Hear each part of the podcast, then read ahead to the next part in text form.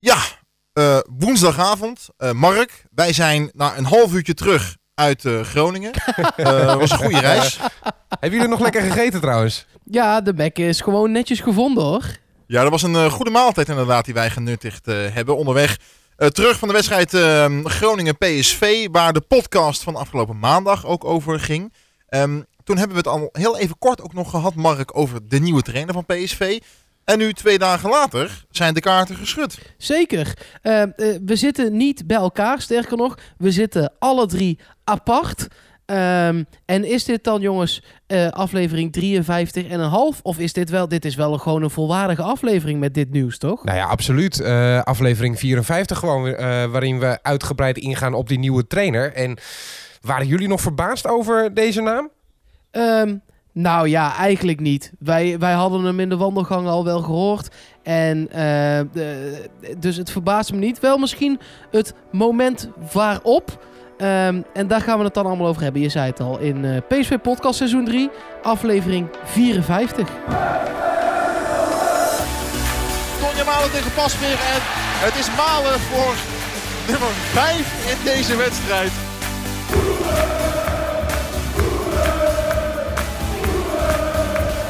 Wat een goede aanval over de linkerkant. En Ryan Thomas schiet dan de 2-0 tegen de touwen. Er is een misverstand, maar Malen maakt ja. dan uiteindelijk toch af. En dan is het 2-1 voor PSV. Met natuurlijk vers terug uit de sauna en daarom weer helemaal fresh. Yannick Eeling. Met uh, terug uit Groningen en uh, kenner van het Duits voetbal. Daar gaan we in deze aflevering van de PSV-podcast veel aan hebben. Mark Versteden. Ja, we gaan diep vandaag. En uiteraard ook de man die ja, uh, samen met mij vier en een halve dag onderweg is geweest naar Groningen. En dat heeft volgehouden. Waarvoor respect, Luc van den Braak. Gisteren gingen de geruchten al over uh, dat er eventueel nieuws zou komen uh, vanuit het PSV-kamp. nou, nieuws was er natuurlijk sowieso, want door de uitbraak van het coronavirus in Nederland is de wedstrijd PSV-Emmen van aanstaande zaterdag afgelast. Um, maar het echte grote nieuws rondom PSV, dat kwam natuurlijk vandaag met de aankondiging van uh, een nieuwe trainer. En dat is toch, jongens, um, sneller dan ik had gedacht. Ik had het niet in deze week op dit moment verwacht, als ik heel eerlijk ben. Nee, ik ook niet. En dat heeft en te maken met uh, corona. Nou is dit misschien wel een mooie opvulling van het voetballoze weekend alvast. Want dan kunnen we het hierover hebben. Um, maar ook gewoon een woensdag ja, wat was het nog net ochtend met een tweet. Geen persconferentie, die komt pas als het nieuwe seizoen begint. Vind ik misschien ook zelfs wel chic. Maar ik had het niet verwacht. Jij, Aniek? Nee, ook niet. John de Jong die zei daar trouwens over dat uh, er bewust geen persconferentie wordt gedaan. Uh, omdat PSV zich nu gewoon wil uh, richten op het lopende seizoen. maar ja, dan popt toch in één keer die naam van Roger Schmid op. Zo moeten we trouwens ook uitspreken. Niet Roger of Roger of hoe je het ook wil uitspreken. Roger Schmid is het. Um, een Duitse trainer, een naam die al meerdere keren is gevallen, ook in de PSV-podcast. Dus Heel verbazingwekkend is dat dan ook niet. Maar inderdaad, uh, uh, de snelheid waarmee dat dan uiteindelijk deze week is gegaan, dat, dat is op zijn zachtst gezegd opvallend te noemen. Ja, zullen we eens uh, luisteren naar de momenten, Janiek, waarop we het hebben behandeld in de PSV-podcast? Nou ja, absoluut. Ehm, zoals gezegd, hij, die naam is meerdere keren uh, gevallen. Toen noemden we hem trouwens nog Roger Smit of Roger Smit. Um, ja. Maar het mooie is dat wij hem al genoemd hebben op uh, uh, de dag van het ontslag van Mark van Bommel. Ook toen hebben we een PSV-podcast opgenomen. 16 december was dat, van 2019. ja, en toen viel die naam van Roger Smit al. Nou ja, de, de naam die het vaakst voorkwam. En die heeft wel routine in het trainersvak. En dat is wel een opvallende naam. Roger Schmid. Ja, ik uh, kende hem omdat hij bij Leverkusen heeft getraind. En ik volg de Duitse competitie wel goed. Maar ik, ik had verder niet echt hem in mijn hoofd als nieuwe trainer van PSV. Salzburg uh, heeft hij bijvoorbeeld nog uh, getraind. Staat wel bekend als een innovatieve trainer. Dat Kampioen zegt, uh, mee geworden ook, hè? Marcel Voet zegt dat bijvoorbeeld ook op Twitter. Bij een innovatieve club als PSV hoort een innovatieve coach. Ja, uh, bij een innovatieve club hoort een innovatieve coach. Uh, uh, straks daarover zeker meer. want dat blijkt ook echt wel uit de dingen die hij heeft gedaan in het verleden. maar we hebben hem vaker genoemd. Ja, ja, hij is natuurlijk daarna heel vaak uh, uh, voorbij gekomen. Um, vanaf het moment dat PSV zei dat ze met een trainer in gesprek waren, hebben we wel vaker wat namen van trainers uh, genoemd. daar zaten ook andere namen bij hoor. Louis van Gaal. Gasparini is zelfs nog een keer gevallen. Maar die naam van Roger Smit kwam eigenlijk het meest nadrukkelijk en ook het meest serieus steeds voorbij.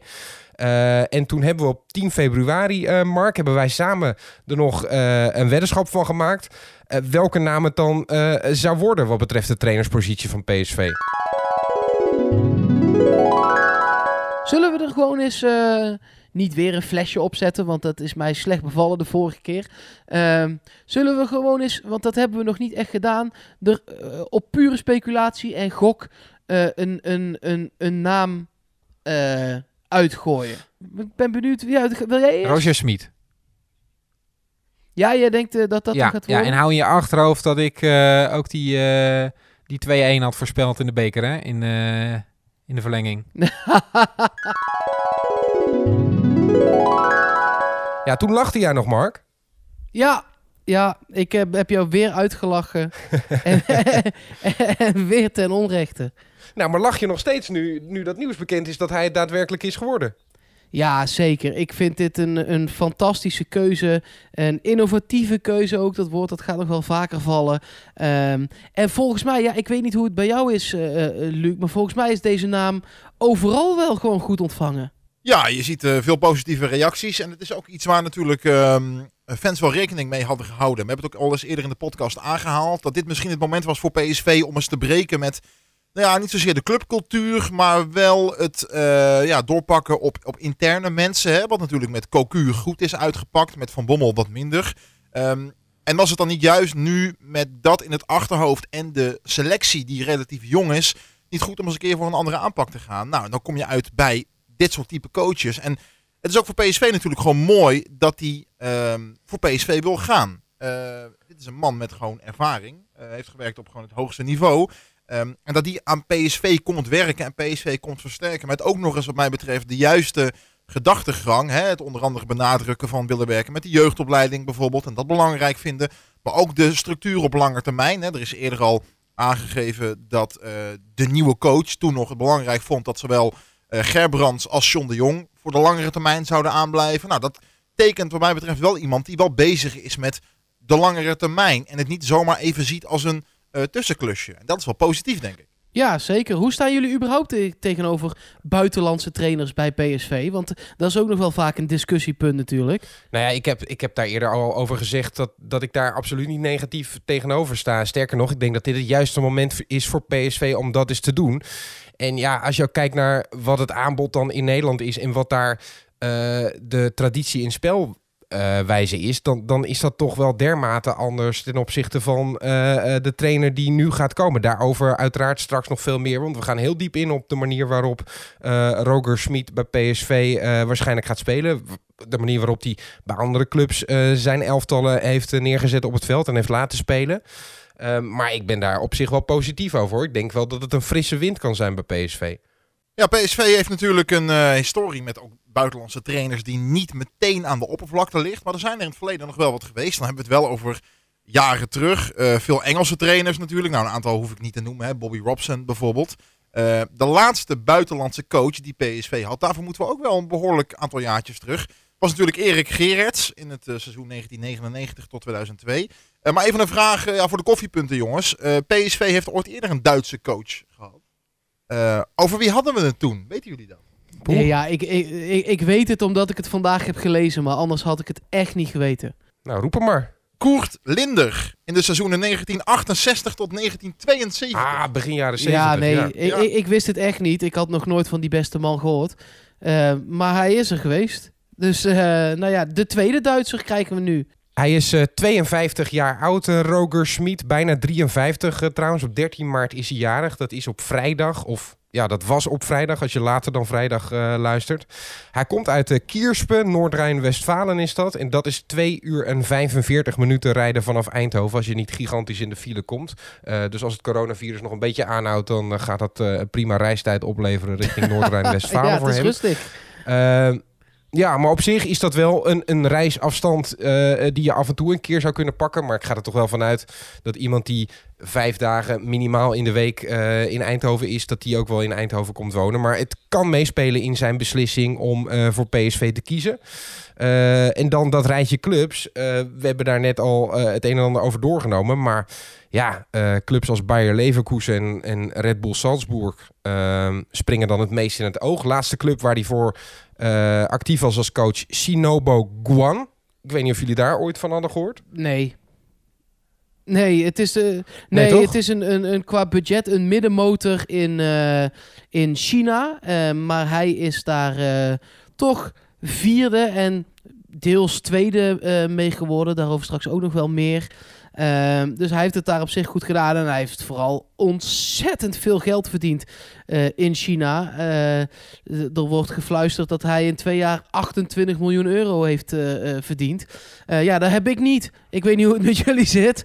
Ehm, Nee, ook niet. maar we, we kunnen moeilijk stellen dat hij daarheen is gegaan eh, voor de uitdaging. Dat heeft hij gewoon gedaan voor het geld. Nee, maar dat kan natuurlijk wel meespelen eh, op het moment dat je keuze gaat maken voor een nieuwe club. Als jij je schaapjes lekker op het droge hebt, en dat is zo bij eh Roger Smit, dan kun je een uitdaging zoals PSV heeft voorgespiegeld wel aangaan. Ik, ik denk echt dat dat wel iets is wat bij PSV heeft meegespeeld. Eh, PSV gaat echt wel eh, de portemonnee trekken voor deze man, want het is een man met aanzien. Eh, maar geen 28 miljoen netto in nee, twee nee. jaar. Maar hij heeft ook gezegd, hè, hij gaat voor het plan naar PSV. Sterker nog, hij heeft nee gezegd tegen Fenerbahce. Hij heeft nee gezegd tegen AC Milan. Zoals ik het heb begrepen, was het toen echt nog niet getekend. Dat is echt pas zeer recent gebeurd. Ehm, dus die heeft hij afgezegd echt voor het plan wat Gerbrands en De Jong hem hebben voorgeschoteld. En we hebben eerder ook al gehoord dat het vertrek van een van die twee, ook de komst van deze nieuwe trainer, toch weer op de schop had kunnen gooien. Dus blijkbaar hebben die met z'n drieën nu een soort, soort plan voor de toekomst. Ehm, waar wij ongetwijfeld ooit nog iets van gaan horen. Maar ja, ja eh, dat spreekt ze blijkbaar alle drie in ieder geval genoeg aan om in geval van Gerbrands, ondanks de sportieve malaise te blijven. In het geval van John de Jong, sportieve en zelfs de bedreigingen en alles te blijven. En voor Roger Smit. Roger Smit, moet ik zeggen. Dat gaat nog echt wel even wennen worden. Ehm, de, eh, de- die wil komen en gaat dus niet naar AC Milan. Wat toch, ondanks dat daar ook de resultaten al een tijdje tegenspreken, wel nog altijd qua naam een Europese grootmacht is. En hetzelfde geldt wel voor Fenerbahce. Zullen we eens naar John de Jong luisteren over het eh, enthousiasme bij eh, Roger Smit op het moment dat hij gevraagd werd bij PSV? Ja, hij was meteen geïnteresseerd. Eh, dat liet hij eh, via zijn advocaat weten. Hij zei gelijk dat hij meteen in gesprek wilde. Hij heeft ook gelijk gezegd van ja, ik ben met meerdere teams in gesprek. Maar eh, met jullie wil ik gelijk een afspraak maken om te kijken of, eh, of het bij me past. Eh, hij ik ken de club natuurlijk. Hij zegt, maar ik wil ook jullie leren kennen. Ik wil de club beter leren kennen. En uiteindelijk heeft hij voor ons gekozen. Nou ja, dat geeft wel aan dat hij gelijk eh, ehm, ja, eh, het wel zag. En, en daar zijn natuurlijk eh, flink wat gesprekken overheen gegaan. Eh, eh, maar het is wel positief dat PSV er bij dit soort mannen nog zo op staat. Ja, wat ik ook belangrijk vind hierin. John de Jong heeft best wel wat kritiek gehad natuurlijk de afgelopen tijd. Ehm, eh, ja, qua eh, netwerk en zou hij wel genoeg mensen kennen in de wereld. En hij laat er ook wel duidelijk eh, weten dat dit ook wel iemand is die, die, die vanuit het verleden kent. En daar kennelijk eh, goed mee is gebleven ook in die tijd. Hè. Hij kent hem vanuit zijn scoutingsperiode. dat is toch wel goed dat, dat, dat zijn, eh, zijn aanwezigheid kennelijk dit soort trainers kan overtuigen. Het zijn wel punten voor John de Jong, vind ik. Ja, helemaal mee eens. Nou ja, sowieso. eh John de Jong die, die eh, eh, zegt ook in dat eh videootje van PSV TV dat eh, vandaag online is gezet, dat hij echt al heel lang Roger Smit in de gaten heeft gehouden. Nou, laten we vooral ook even luisteren wat John de Jong te zeggen had over waarom juist deze trainer. Wat kan hij over hem vertellen? Nou ja, het is een trainer die veel energie heeft. Zo laat hij zijn teams ook spelen. Eh, dat is ook wel echt iets wat me aantrekt. Eh, het zijn fitte teams. ehm, heel aanvallend. Ik denk dat het ook goed bij PSV past. Ik vind dat wij een, eh, een coach moeten hebben die ja, echt, echt aanvallend voetbal speelt. Die teams, de, de tegenstanders moet laten weten dat er niks te halen valt.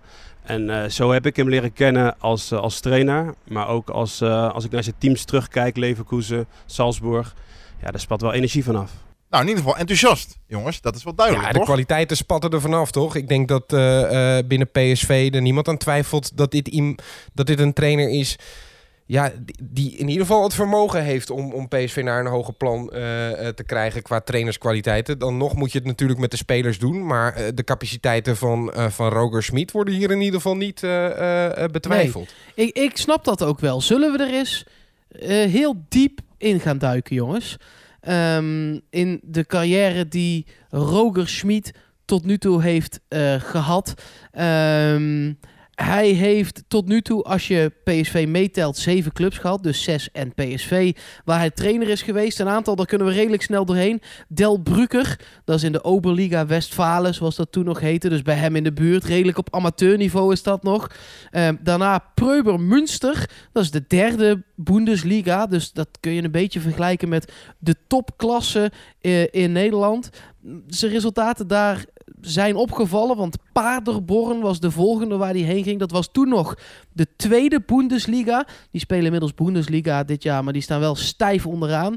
En maar toen was dat nog tweede Bundesliga. En ehm, eigenlijk is hij daar begonnen met een aantal opstellingen door elkaar heen mixen. En dat is wat ze ook wel echt bedoelen met een innovatieve trainer, eh, met innovatieve ideeën. Hij gaat heel erg mee met zijn tijd en durft, dat gaan we ook echt wel zien eh, in de komende minuten, hele duidelijke accenten te leggen in zijn selecties. Ehm, zijn meest favoriete opstelling door alle jaren heen is het 4-2-3-1 dat PSV nu eigenlijk ook al speelt. Ehm, dus het zou zomaar kunnen dat hij daar eh, heel erg in gaat variëren. Ehm, en dat variëren dat begon eigenlijk bij Salzburg. Daar is hij twee seizoenen trainer geweest. En in het eerste seizoen, dat was 2012, 2013, eh, vielen een aantal dingen op. En dat is namelijk dat hij ook best wel wat wedstrijden 4-3-3 heeft gespeeld met punt naar achteren. Maar ook 4-1-4-1 en 4-3-3 met de punt naar voren. Ja, er gaan veel getallen voorbij komen. eh, dus pak pen en papier er vooral bij. Ehm, maar wat vooral opvalt in die eerste jaren is dat hij eh, met heel veel onbekende spelers eh, speelt. Ik zal zo nog wel een lijstje doornemen ook. Er is eigenlijk maar één speler die je nu op naam zou kennen van toen. Weet, hebben jullie enig idee? Uit de Salzburg-tijd? Uit de Salzburg-tijd, ja. Hij heeft met Mané gewerkt, hè? Was dat daar? Zeker, ja. Dat was twee seizoenen lang Mané. Die stond ja, links midden, maar dat is bij Roger Schmid redelijk links buiten. Ehm, opvallend feitje namelijk, in, in dat eerste seizoen scoorden ze 91 keer. En kregen er ook wel 39 tegen. Ehm, dat zijn natuurlijk opvallende cijfers, want je maakt er heel veel. En je krijgt er heel veel tegen, zeker voor een ploeg die bovenin meedoet. Ehm, en dan kun je denken, weet je wat we in dat tweede seizoen moeten doen? We moeten voorkomen dat we zoveel tegendoelpunten krijgen. Maar dat is nou juist precies niet de filosofie van Roger Schmid.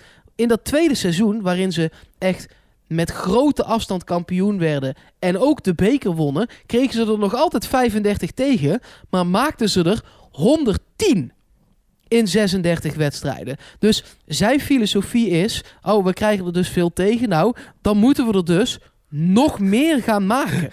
Eh, Ja. ja, eh, eh, standen als 7-1, 6-0, 4-0, 6-3, 5-0 komen dat seizoen meerdere keren voor. Sterker nog, de bekerfinale wordt 4-2. Ehm, en dat zijn echt standen eh, en uituitslagen die heel erg veel voorkomen. Hij heeft op dat moment wel het 4-2-3-1 een beetje ingeruild voor 4-4-2. En dat doet hij dan zonder echte 10. Dat is zijn tweede favorietste opstelling na de 4-2-3-1. Ehm, dat is met vier verdedigers, waarvan de backs heel erg hoog staan. Die, die verdedigen heel erg mee. En voor de twee centrale verdedigers staan nog twee man. Ehm, en de flanken, die spelen dan nog aanvallender dan de backs. Dus eigenlijk ben je eh, zeker in balbezit steeds met vier spitsen en vier middenvelders. En nou ja, twee of als er één middenvelder in zou, drie verdedigers aan het spelen. Dus daar is hij al wel begonnen met eh, variëren. Ehm, ik zal eens een lijstje doornemen om maar eens aan te geven dat hij met spelers die je niet kent toch een heel goed team kan maken. Uh, stond nog op goal. Die kun je misschien kennen omdat hij afgelopen dinsdag nog keepte met Leipzig. Want die speelt nu bij het Red Bull broertje in Duitsland. Ehm, maar verder zit daar Klein, Hinterregger, Ramelow, Wisselingen, Illensakker, Lightgap, nou Mané dan, Kampel, Soriano en Alan. Hoeveel van die spelers kennen jullie? Ja, bij Alan houdt het redelijk op. Die Ja. doelman die, eh, is volgens mij de keeper van Hongarije, maar eh, dat was het wel. Luc? Ja, ik eh, moet me daarbij aansluiten. Ja, en ik vond dat opvallend, omdat het, de Oostenrijkse competitie... Dit was ook het jaar eh, dat hij met die ploeg Ajax twee keer compleet van de mat veegde... en daar echt ook alle lof voor kreeg. Dat was echt een goed voetballende ploeg... met eigenlijk alleen Mané en misschien dan Gulacci en Alan. Die maakten wel veel doelpunten, maar drie spelers die we nu nog kennen. En de rest voetbalt ook allemaal redelijk in de marge. Frankfurt, Austria Wien, Sturm Graz... Eh, Girona, nou, Alan speelt dan in China. Ehm, dus dat valt wel op. En dat valt ook op dat hij met veel onbekende en jonge talenten durft te werken. Eh, als hij naar Leverkusen gaat, want eh, nou ja, hij werd kampioen en mocht naar de Bundesliga hè, in zijn thuisland. Dus dat wilde hij wel. Ehm, in zijn eerste seizoen werd hij ook vierde. Weer veel goals en weer veel tegengekregen. En daar heeft hij vooral heel veel jonge talenten gebracht. Eh, Leno, nu keeper bij Arsenal, toen 22 jaar. Brandt, toen 18 jaar, nu bij Dortmund. Eh Wendel, of Wendel, die nog altijd nu bij Leverkusen speelt, maar het was toen 20. Eh Kalanoglu, toen 20, speelt nu bij AC Milan. Dat waren allemaal jongens die hij erbij haalde. Ehm, en ook nog een Japanse jongen die toen een stuk onbekender was dan nu. Ik be- ben benieuwd of jullie die weten. Oeh, nou Doan niet. Geen idee. Nee, nee, dat was, was zeker Doan niet. 21 jaar oud. Hun Min Oh. Ja, die heeft er natuurlijk ook nog gebald. Ja. Ja, dat is waar ook. Zeker, die kwam wel voor 10 miljoen van Hamburg, dus was niet helemaal onbekend. Maar eh, heel veel jonge jongens die die gewoon lekker liet voetballen. En met dat concept ehm, werden ze in seizoen 2015, 2016 derde. Nou, vertekent dat wel een beetje, want München werd eerste en daar hadden ze 26 punten achterstand op. Dortmund werd tweede, die stonden alweer 10 punten achter München, dus 16 punten daarop. Dus het was echt ja, best of de matige rest wel. Met ook Chicarito. Uh, haalde die van zijn oude ploeg Salzburg. Dat zien we ook vaker bij hem. Dat die oude spelers waar hij al een keer mee gewerkt heeft. Net zoals Alain, die haalde die naar China vervolgens ook. Ehm, dat zien we ook veel vaker. Ehm, dus misschien gaat hij naar PSV ook wel spelers halen waar hij al eerder mee heeft gewerkt. Dat zou zomaar eens kunnen. Spelers willen ook vaker met hem werken. Dat is vaak ook wel echt een goed teken. Ehm, en in deze jaren heeft hij dat 4-4-2 met eh, een op lijn spelend middenveld eigenlijk alleen maar continu gebruikt. Ehm, met in een jaar eerder nog wel wijzigingen naar weer die 4-1-4-1 en zelfs 4-3-1-2. Ehm, dus hij durft in die opstelling wel echt accenten te leggen. Ehm, dat derde seizoen bij Leverkusen, dat is wel een seizoen waar hij niet aan herinnerd wil worden. En waarbij het ook een beetje lijkt alsof hij van zijn innovativiteit af is gestapt. Hij speelt het hele seizoen met dezelfde opstelling, ook veel met dezelfde spelers. Terwijl hij daarvoor heel veel wisselt. In één seizoen bij Salzburg bijvoorbeeld, dat seizoen waarin ze kampioen werden, speelde één van de twee eh, linksbacks 13 wedstrijden en de andere 19. Eh, dat gebeurde wel veel vaker, maar nu niet. Eh, die Ramelow die hij haalde, die moest hij ook alweer verhuren. Het was allemaal echt pet. En hij vloog er dan ook uit op het moment dat ze twaalfde stonden. Wat voor Leverkusen echt beroerd is. Ze zijn ook twaalfde gebleven dat seizoen. En toen is hij maar voor het geld gegaan. Of zoals hij zelf ongetwijfeld zal zeggen, voor de ervaring. Daar heeft hij toch wel knappe prestatie neergezet. Negende, vierde en tweede in het laatste seizoen waarin hij dan wel moest vertrekken. En daar is hij ook, daar komt dat innovatieve in China echt in hem naar boven. Want daar is hij pas echt gaan experimenteren met drie verdedigers of vijf. Dat is maar net hoe je het wil noemen. En ook voor het eerst echt met een ruit op het middenveld. Gewoon 4-4-2 met een 10. Ehm, In zijn laatste seizoen valt hij dan toch wel weer terug op 4-2, 3-1. En dat was best wel een succes, want toen zijn ze tweede geworden. Ehm, maar het blijkt wel, en al die opstellingen die hij heeft gebruikt, hij durft met drie verdedigers, durft met vier verdedigers op lijn, in een ruit, 4-3-3 met de punt naar voren, punt naar achter. Dus hij is echt wel innovatief. Kijk naar zijn spelers. En ik denk dat dit PSV dat wel echt kan gebruiken. En welke opstelling je ook speelt, Janika Luc, het is in ieder geval intens aanvallen. Dat is het overkoepelende. Een meer doelpunten maken dan de tegenstanders. Prima als je er vier tegen krijgt, dan moet je er vijf maken. Hij heeft ooit een wedstrijd gespeeld in, in eh, volgens mij was dat de Bundesliga, dat het 7-6 is geworden qua uitslag. Nou, dat wordt het- spektakel. Ja, we we gaan echt spektakel meemaken bij PSV. Echt, echt voetbal om te voetballen en voetballen om doelpunten te maken. Nou, dat is eh, eh, sowieso is dat iets om, om naar uit te kijken eh, natuurlijk.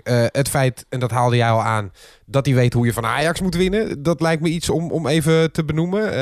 Jij zei het al, februari 2014, 0-3 gewonnen in de Arena.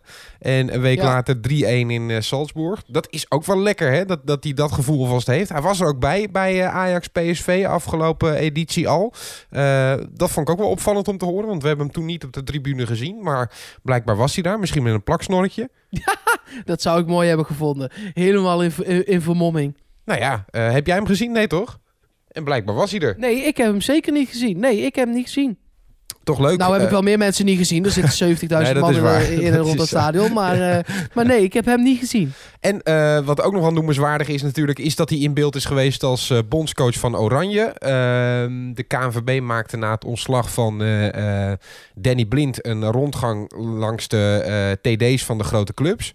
En eh, wat nog wel een leuk detail is, is dat Mark Overmars hem aangeraden schijnt te hebben. En dat zal eh, meegespeeld hebben dat hij daar enorm overlopen is eh, met Ajax toen tegenover Roger Smit. Dus Mark Overmars heeft toen bij de KNVB Roger Smit aangedragen als optie. Ehm, Hans van Breukelen is toen met hem in gesprek gegaan. Toen KNVB, nu commissaris bij PSV. Ook nog wel een aparte link. En Schmid heeft toen zelf aangegeven dat hij nog te jong was om als bondscoach aan de slag te gaan. Dat hij echt nog wel een club wilde.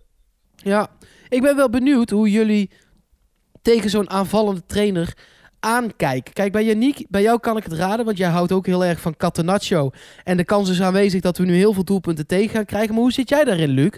Ja, ik vind dat waanzinnig. Ik eh, kijk daar heel erg naar uit. Ik ben ook wel eh, echt van eh, het alles geven aan twee kanten. Ehm, en ik denk ook dat dat wel iets is dat past bij PSV. Al moet je natuurlijk ook zeggen dat onder Philip Cocu bijvoorbeeld, hè, de echte succesjaren onder Cocu, daar was het af en toe ook gewoon best wel sober. Hè? Daar was de kracht juist om het sober te houden. Daar zijn de PSV-fans toen in eerste instantie waren daar natuurlijk ook wat morrig over. Hè? Van, van waar is nou echt het mooie voetbal. Maar de resultaten waren er wel. Ehm, ja, ik ben wel benieuwd hoe dat dan nu uit zou kunnen pakken. Nu dat een keer anders gaat zijn. Maar ik ben er wel benieuwd naar. En ik denk ook wel dat dat leuk eh, zal zijn. Wat ik interessant ook vind is. ehm, even kijken naar de huidige selectie. Hè? Jongens waarvan we weten dat die de komende tijd nog wel bij PSV zullen zijn. Zoals bijvoorbeeld. Nou, waarschijnlijk dan een Donjan Malen. Maar ook een Sam Lammers. Wat, wat gaat dat voor hun betekenen? Wat, hoe zou, hoe zou hij dat voor zich zien? Bijvoorbeeld de rol van zo'n Sam Lammers, hè, waar nu PSV dan heel erg op steunt. eh, de rest van dit seizoen door allerlei blessures. Maar ja, hoe, zou, hoe zou hij zo iemand in gaan passen in een elftal? Dat, dat ben ik wel benieuwd naar. Wat denk jij? Ja, ik, weet, ik kan het niet zo goed inschatten. Kijk, als je heel erg van aanvallend voetbal houdt, dan lijkt het mij ook dat je daar wel een, een echte spits bij zou willen hebben. Ehm, dan zit je, zou je bij Sam Lammers in essentie goed moeten zitten. Ehm, maar als je kiest voor Malen, dan speel je natuurlijk weer een ander type voetbal. Waarbij het waarschijnlijk meer over de grond zal zijn. Met, met vleugelspelers die ook meer ehm, vanuit zichzelf zouden moeten kunnen. Ehm, ik ben wel benieuwd waar hij dan voor zal kiezen. En ook wel wat dat zal betekenen voor het aankoopbeleid van PSV. Want zeker door het vertrek van Bergwijn bijvoorbeeld, zal daar misschien wel iemand bij moeten. Als blijkt dat jongens als Bruma bijvoorbeeld uiteindelijk niet zullen renderen. Of zou hij ook dat soort gasten misschien weer aan de gang kunnen krijgen? Nou, la- laten we het hopen. Laten we het hopen. Ik bedoel, eh eh eh Roger Nou ja, over, over Lammers wil ik wel wat zeggen. Want volgens mij is het ideaal om met Malen en met Lammers nu te gaan spelen. Als je in zo'n 4-4-2 gaat spelen. Lammers de snel kaatsende speler. Malen die op topsnelheid kan liggen. Iataren die ze kan inspelen. Ik zie dat wel voor me eigenlijk. Nou ja, weet je wat het ding een beetje is? Ik, ik, ik zit dus de- deze middag heel erg ook naar die opstellingen te kijken. Zie dat hij eigenlijk ieder seizoen meerdere opstellingen gebruikt. En ook van zijn spelers verwacht, want het is niet zo dat er dan elf andere spelers staan. Van zijn spelers verwacht dat ze in meerdere opstellingen weten wat ze moeten doen en ook kunnen functioneren. En dat vraag ik me, als ik heel eerlijk ben, wel bij Lammers af. Het spel gaat heel veel over de grond. Er is heel veel gegenpressing, zoals dat dan heet. Hè? Dat je heel hoog ook druk zet op de tegenstander. Ja, ik, ik snap bij Thomas bijvoorbeeld dat dat dan heel positief kan zijn, want die kan dat. Maar ik zie dat zelf bij Lammers nog niet echt gebeuren en bij Malen wel. Die kan in een 4-3-3, die kan in een 4-4-2 en ik zie dat bij Lammers toch minder. Nou, sowieso wordt het interessant eh, eh, welke spelers eh, in het plan van Schmid passen en, en welke niet. Het is natuurlijk bekend dat als er een nieuwe trainer komt, dan gaan er altijd spelers over de rand vallen. Dat is met de komst van Van Bommel bijvoorbeeld gebeurd met Ramselaar, die onder Cocu wel aan spelen toekwam af en toe. waar Van Bommel het eigenlijk niet in zag zitten.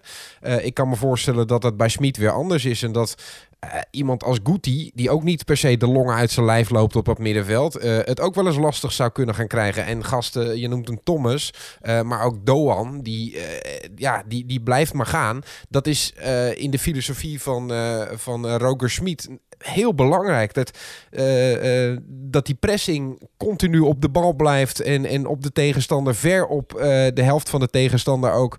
Ja, die, die gasten, je zou bijna zeggen, blijven als gekken gaan. Maar er zit dus wel een heel duidelijk idee achter. Maar dan moet je wel spelers hebben die daarin in meegaan. En John de Jong zegt het zelf ook al. Het zijn hele fitte elftallen die hij op de been brengt.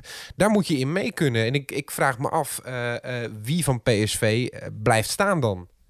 Zo, ik, ik ben heel benieuwd naar jullie antwoord hierop. Ehm, hoeveel spelers van de elf van afgelopen weekend, en dat is voor als je dit losluistert, de wedstrijd tegen. Nee, laten we de wedstrijd ervoor pakken, want nu hadden we wat blessures.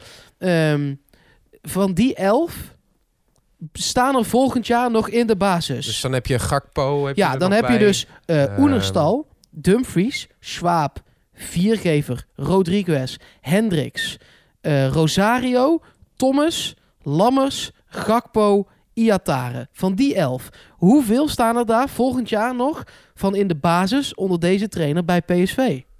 Ja, dat zal rond de vijf liggen, denk ik. Eh Oenerstal verwacht ik dat hij onder de lat staat. Eh, Duitse trainer, eh, die zal misschien voor die Duitse doelman kiezen. Dat kan ik me zo voorstellen. Ehm, ik verwacht dat Dumfries basis staat, tenzij die wordt weggekocht. Die kans is natuurlijk aanwezig. Ehm, ik verwacht eigenlijk dat hij, omdat hij met ruimte in de rug gaat spelen met die verdediging, dat hij voor Baumkartel gaat kiezen komende zomer. Viergever vraag ik me af of die blijft staan. Want ja, is een slimme speler, maar eh, komt af en toe wel wat snelheid tekort. Maar ik denk wel dat hij blijft staan onder eh eh Schmid. Ik weet het Dan niet. is de linksback. Dan is de. Ja, het, het- het is opnieuw een vraagteken. De linksback eh, gaat normaal gesproken vertrekken. Tenzij PSV daar nog een deal mee weet te sluiten. Maar daar gaan we niet per se van uit. Nou, zou juist de komst van Schmid niet voor zo'n Rodriguez eh, iets kunnen betekenen? Dat dat een man is waarmee Ja, die, waarmee die zou willen werken. Of die, die, die, die, iets meer, die hem iets meer zegt. We zijn allemaal wel enthousiast volgens mij over het spel van Rodriguez. En iedereen zegt, als je die kunt behouden, zou je dat moeten doen, toch? Nou, wellicht dat zo'n coach als, als dit, dit type wel iets kan betekenen daarin. Ja, Ja, ik eh, ja. vraag me af hoe duur hij dan moet zijn. Eh, als hij een heel goed EK speelt. Eh, qua salaris is het nu dan allemaal te overzien met een halfjaartje. Maar kan PSV he- het opbrengen om Rodriguez voor meerdere seizoenen te laten tekenen? Of wordt het toch van Aanholt, eh, zoals wij verwachten dat hij in ieder geval naar Eindhoven gaat komen? Wat wel duidelijk is natuurlijk, is dat de backs in eh, de filosofie van eh Schmid heel belangrijk eh, zijn. Want die dekken ook voor ver op de helft van de tegenstander door. Dus in die zin zou Dumfries ideaal zijn. Ik denk ook dat Schmid zich heel sterk voor maakt om hem te behouden. Ehm, en als je aan de andere kant eh, van Arnold hebt, dan, dan zit je prima. Maar als je die, dan die verdediging bekijkt, ja, dan kun je de twee eh, van de vijf eh, kun je wel invullen. En die andere drie zouden dan niet gaan spelen. Middenveld vraag ik me af wie daar dan dan blijven staan? Blijft Rosario bijvoorbeeld staan? Heeft hij voldoende inhoud om, om dat te doen? Hendricks, is die vaardig genoeg? Ehm, verwacht dat Iataren wel gewoon basisspeler blijft. Maar ook die kan natuurlijk weggekocht worden. Ja, dan heb je in de voorhoede heb je Lammer staan waar we over twijfelen. Uh, Gakpo, is die basisspeler komend seizoen? Of is dat nog te vroeg? Uh, en dan hebben we Thomas, waarvan ik wel verwacht dat hij onder Schmid gaat spelen. Ja, ik denk daarom, uh, jij noemt al die twijfelgevallen en jij zegt zelf dat het er vijf of zes zullen zijn. Ja, ik weet niet hoe jij erin staat, Luc, maar ik denk eerder dat het er drie of vier zijn. Ja, daar moet dan natuurlijk al de kanttekening bij gemaakt worden dat daar dan ook natuurlijk wel de mogelijkheden voor moeten zijn bij PSV om daar structurele vervangers nee, voor te halen. tuurlijk. Want bijvoorbeeld op zo'n middenveld zou ik me best kunnen voorstellen dat inderdaad uh, zowel Rosario als Hendricks misschien een plekje terug moeten.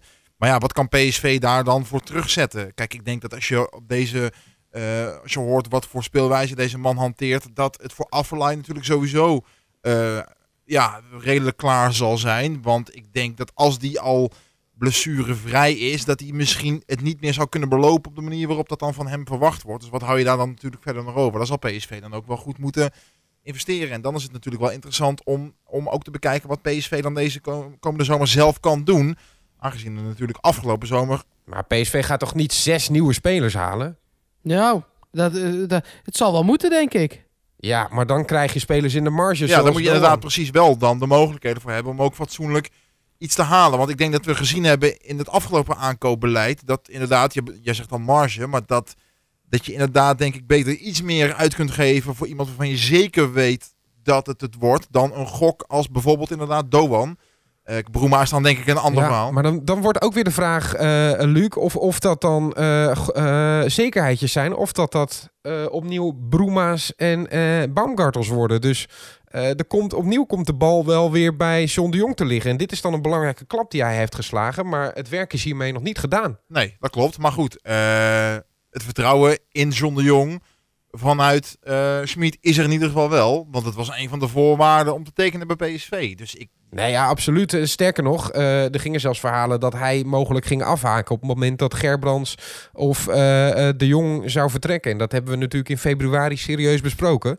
Dat John de Jong zelf zei dat hij twijfelde. Dan is het dus wel een ander verhaal dan bij de Jong van Bommel, waar dan achteraf over gezegd wordt, heeft daar niet te veel ruis op de lijn gezeten in zaken het aankoopbeleid. Dat kun je dan nu in ieder geval op dit moment nu al hier wegstrepen. Dus als je in uh, komend seizoen halverwege weer moet constateren dat het het misschien niet helemaal is geworden, dan is dat dus wel um, en allebei in die zin aan te rekenen, omdat we nu weten dat het heel specifiek in overleg met elkaar gaat gebeuren. Ja, absoluut. Um, denken jullie dat uh, de rol van Guus Hiddink nog uh, van invloed is geweest op de komst van Schmid? Want Hiddink zat uh, van september 2018 tot september 2019 in China bij de Olympische ploeg. En toen zat Schmid daar ook in China. Hè? Die was daar toen in zijn tweede seizoen bezig. Ik kan me voorstellen dat hij af en toe eens een, een pilsje hebben gedronken daar in, in Peking. Dat lijkt mij wel, ja. Het, ze spelen daar in China trouwens een seizoen per jaar. Dus in uh, 2018 september liep dat seizoen redelijk ten einde. En in 2019 begon dan het nieuwe seizoen. Um, en uh, tuurlijk hebben zij koffie gedronken. En tuurlijk hebben ze dat nu opnieuw gedaan. Want ook nu komen ze elkaar weer tegen op de hertgang. En laten we dan maar hopen dat dat ook volgend jaar zo blijft. Want uh, uh, Roger Smit neemt één assistent mee. Dat is een 44-jarige Duitser ook. En die werkte al bij Leverkusen met hem samen. Die werkte in China al met Schmid samen. Um, dus... Jurn Wolf gaat het om, hè? Ja, precies. En... Um, dat is zijn zielsverwant als, als coach, zeg maar. Dus die komt mee. Ik ben wel benieuwd wat PSV daar dan naast gaat zetten aan assistenten.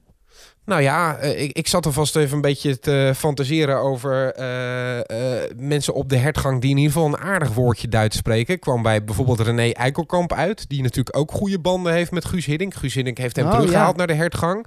Uh, heeft bij Schalke gespeeld. Dus ja, ik kan me voorstellen dat die communicatief wel aardig ligt met Roger Schmid. Maar uh, ook Ruud van Nistelrooy heeft natuurlijk nog in Duitsland gespeeld. Ik denk niet dat hij daar uh, de volledige Duitse uh, opleiding heeft doorlopen. Maar kan zich denk ik wel verstaanbaar maken in het Duits. En geldt toch wel als belangrijk binnen het trainerskorps van PSV. Dus ook dat kan wel iemand zijn die een rol gaat krijgen in de technische staf. Ja, ik denk sowieso dat het goed is als PSV inderdaad een grote naam in die technische staf heeft als voetballer zijnde. Dan zit je bij Van Nistelrooy goed. En ik denk ook dat het misschien de betere weg is voor Van Nistelrooy om uiteindelijk zelf klaar te zijn voor het trainersvak. Eh, dat je deze fase ook gewoon doorloopt in plaats van dat je zoals bijvoorbeeld Van Bommel een echt grote stap eh, neemt. Eh, ik vind het in ieder Die geval kan ook Duits trouwens. Ja, Misschien klopt. wordt dat wel assistent van... nee. Nou, het is in ieder geval positief, denk ik, voor PSV dat hij weliswaar inderdaad gewoon iemand meeneemt die aan zijn zijde vertrouwd is om te werken, maar dat er niet een volledige eh, staf wordt ingevlogen die een soort PSV takeover doen op alle vlakken. Eh, want dan heb je denk ik wel het best of both worlds, dat het toch een nieuwe invloed is, maar dat er ook wel veel kernwaarden van PSV bewaard blijven, wat toch wel belangrijk is, denk ik, in plaats van dat er ook een nieuwe fysiotherapeut komt, een nieuwe materiaalman, een nieuwe spitsentrainer, een nieuwe... die gevallen zijn er natuurlijk ook, hè, dat er een hele enclave binnenkomt. Ehm, ik denk dat dat wel positief is, dat het vooralsnog blijft bij gewoon de trainer met een assistent. En dat dat zich gaat mengen met wat er bij PSV al gaande is momenteel. Ja, Eh, nou is het een trainer die nog nooit in zijn eerste seizoen kampioen is eh, geworden. Überhaupt weinig prijzen heeft gewonnen. Dat is één ding wat je er misschien wel kunt aanrekenen. Nou kun je zeggen, heeft hij daar dan de ploegen voor gehad? Want als je in Duitsland niet bij Dortmund en zeker niet bij München zit, dan wordt het daar wel erg lastig. Ehm, gaan we, en dat is gewoon leuk om er later bij te pakken, in het eerste jaar met Roger Schmid meteen kampioen worden? Oh, jij wil vast weer even een sp- voorspellingje ontlokken, zodat we Ja. die alvast weer even kunnen uitbuiten op een bepaald moment. Ja, of je je uit kunnen lachen. Dat is allebei grappig. Nou ja, dan mogen jullie eerst. Ja, ik, het is natuurlijk geen pijl op te trekken. Nee, dus natuurlijk voor de niet. vorm zal ik ja zeggen. Dan zeg ik voor de vorm eh, nee. In het tweede en derde jaar pas. Nou, daar komt hij dan. Eh, wij worden kampioen komend jaar. Kijk, lekker. Hoppa. Is toch fijn om te horen. Maar even zonder gekheid. We zijn volgens mij wel alle drie eh, als conclusie van deze podcast gewoon heel erg blij met deze trainer. Eh, ja, zeker. Ehm, ik, ik ben vooral heel benieuwd. Eh, want jij zei, Mark, ja, een paar minuten geleden dat, dat ik wel van Catenaccio hou. Dat klopt, maar ik hou vooral van een tactisch idee. En als je iets over deze eh, coach kan zeggen, is het dat er een tactisch idee achter zit. Eh, en ik ben vooral heel benieuwd hoe dat bij PSV gaat uitpakken. Eh, ik, ik hou wel van coaches die een plan uit de kast durven te trekken waarmee zij denken dat ze de overwinning over de streep kunnen trekken. Bij Van Bommel was dat vooral uitgaan van je eigen kracht. Bij Roger Smit heb ik toch het idee dat hij ja, probeert echt de tegenstander bij de strot te grijpen. En, en ja, zich ook wel kan aanpassen aan hoe die tegenstander staat. En ja, ik kan daar wel heel erg van genieten. Dus ik ben daar heel benieuwd naar vooral. Ik ook. We gaan ervan genieten. Eerst nog even dit seizoen afmaken. Dat wel. Laten we Eh, Europees de- voetbal proberen te halen voor deze man. Want ik kan me voorstellen dat hij dat wel prettig vindt. Ja, dat lijkt mij een goede deal. Eh, dus Roger, als je luistert, dat, daar gaan we voor. Eén ander dingetje dan nog, eh, jongens. Ehm, wie van jullie heeft thuis een shirt liggen met achterop uh, Madueke 2024? Ja, dat was bij de fanshop te krijgen, eh, hoorde ik al vorige week. Heb ik ook gehoord, ja. ja, dat hoorde ik ook. Nou, eh, eh, klasse voor degene die ons dat gemeld heeft, want dat bleek inderdaad te kloppen. Dus mocht je meer PSV Insight geruchten hebben, eh, laat het vooral weten via de sociale kanalen van eh, PSV Podcast. PSV Podcast op alle kanalen. Maar ja, dat is in ieder geval voor PSV heel fijn dat, dat hij verlengd heeft. Nou ja, laten we vooral ook benoemen dat dat gewoon mooi werk is van PSV en ook mede John de Jong. Want eh, die jongen had ook gewoon aanbiedingen van echt wel een aantal topclubs. Uh, waaronder Arsenal bijvoorbeeld. En die heeft heel bewust gekozen voor, uh, voor een langere tijd bij PSV. En ligt nu dus vast tot 2024. Uh, dat zijn allemaal dingen die ook wel, ja, vind ik, aan de positieve kant wel benoemd mogen worden. Nadat er eerder deze jaargang natuurlijk ook een hoop mis is gegaan. Vind ik wel dat PSV dit soort dingen gewoon goed doet. Die jongen is talentvol, er wordt aan getrokken. Maar kennelijk kan PSV hem dan toch aan boord houden. En dat is alleen maar positief, denk ik. Denk Ja. ja. aanvallen met veel handelingssnelheid. Sowieso zelf met veel snelheid. Dat is wel iets wat in de plannen van uh, Roger Smit ook past. Uh, Ja. uh, snel de bal veroveren en dan tot actie overgaan. Het is, het is heel snel de aanval zoeken ook. Ja, daar kan je Maduweke natuurlijk uitstekend in gebruiken. Ik durf nu al te stellen dat dat een van de... eh, op zijn minst, dat heeft hij bij Brand ook gedaan, wat ik eerder al zei. eh, spelers die op zijn minst of heel snel gebracht gaan worden, of misschien zelfs al wel vanaf de start eh, een basisplaats gaan krijgen. Hoe ver dat misschien nu nog wel weg eh, lijkt. Maar wat jullie zeggen klopt. Dit is wel precies een speler die past in het, in het plaatje van Roker Dus eh, dat is top. Yannick, jij zei net al, je kunt ons bereiken via social media. Eh, dat kan ook over deze podcast. Als je iets wil laten weten wat jij van de trainer vindt. Of dat wij nog iets gemist hebben. Want dat kan natuurlijk ook altijd.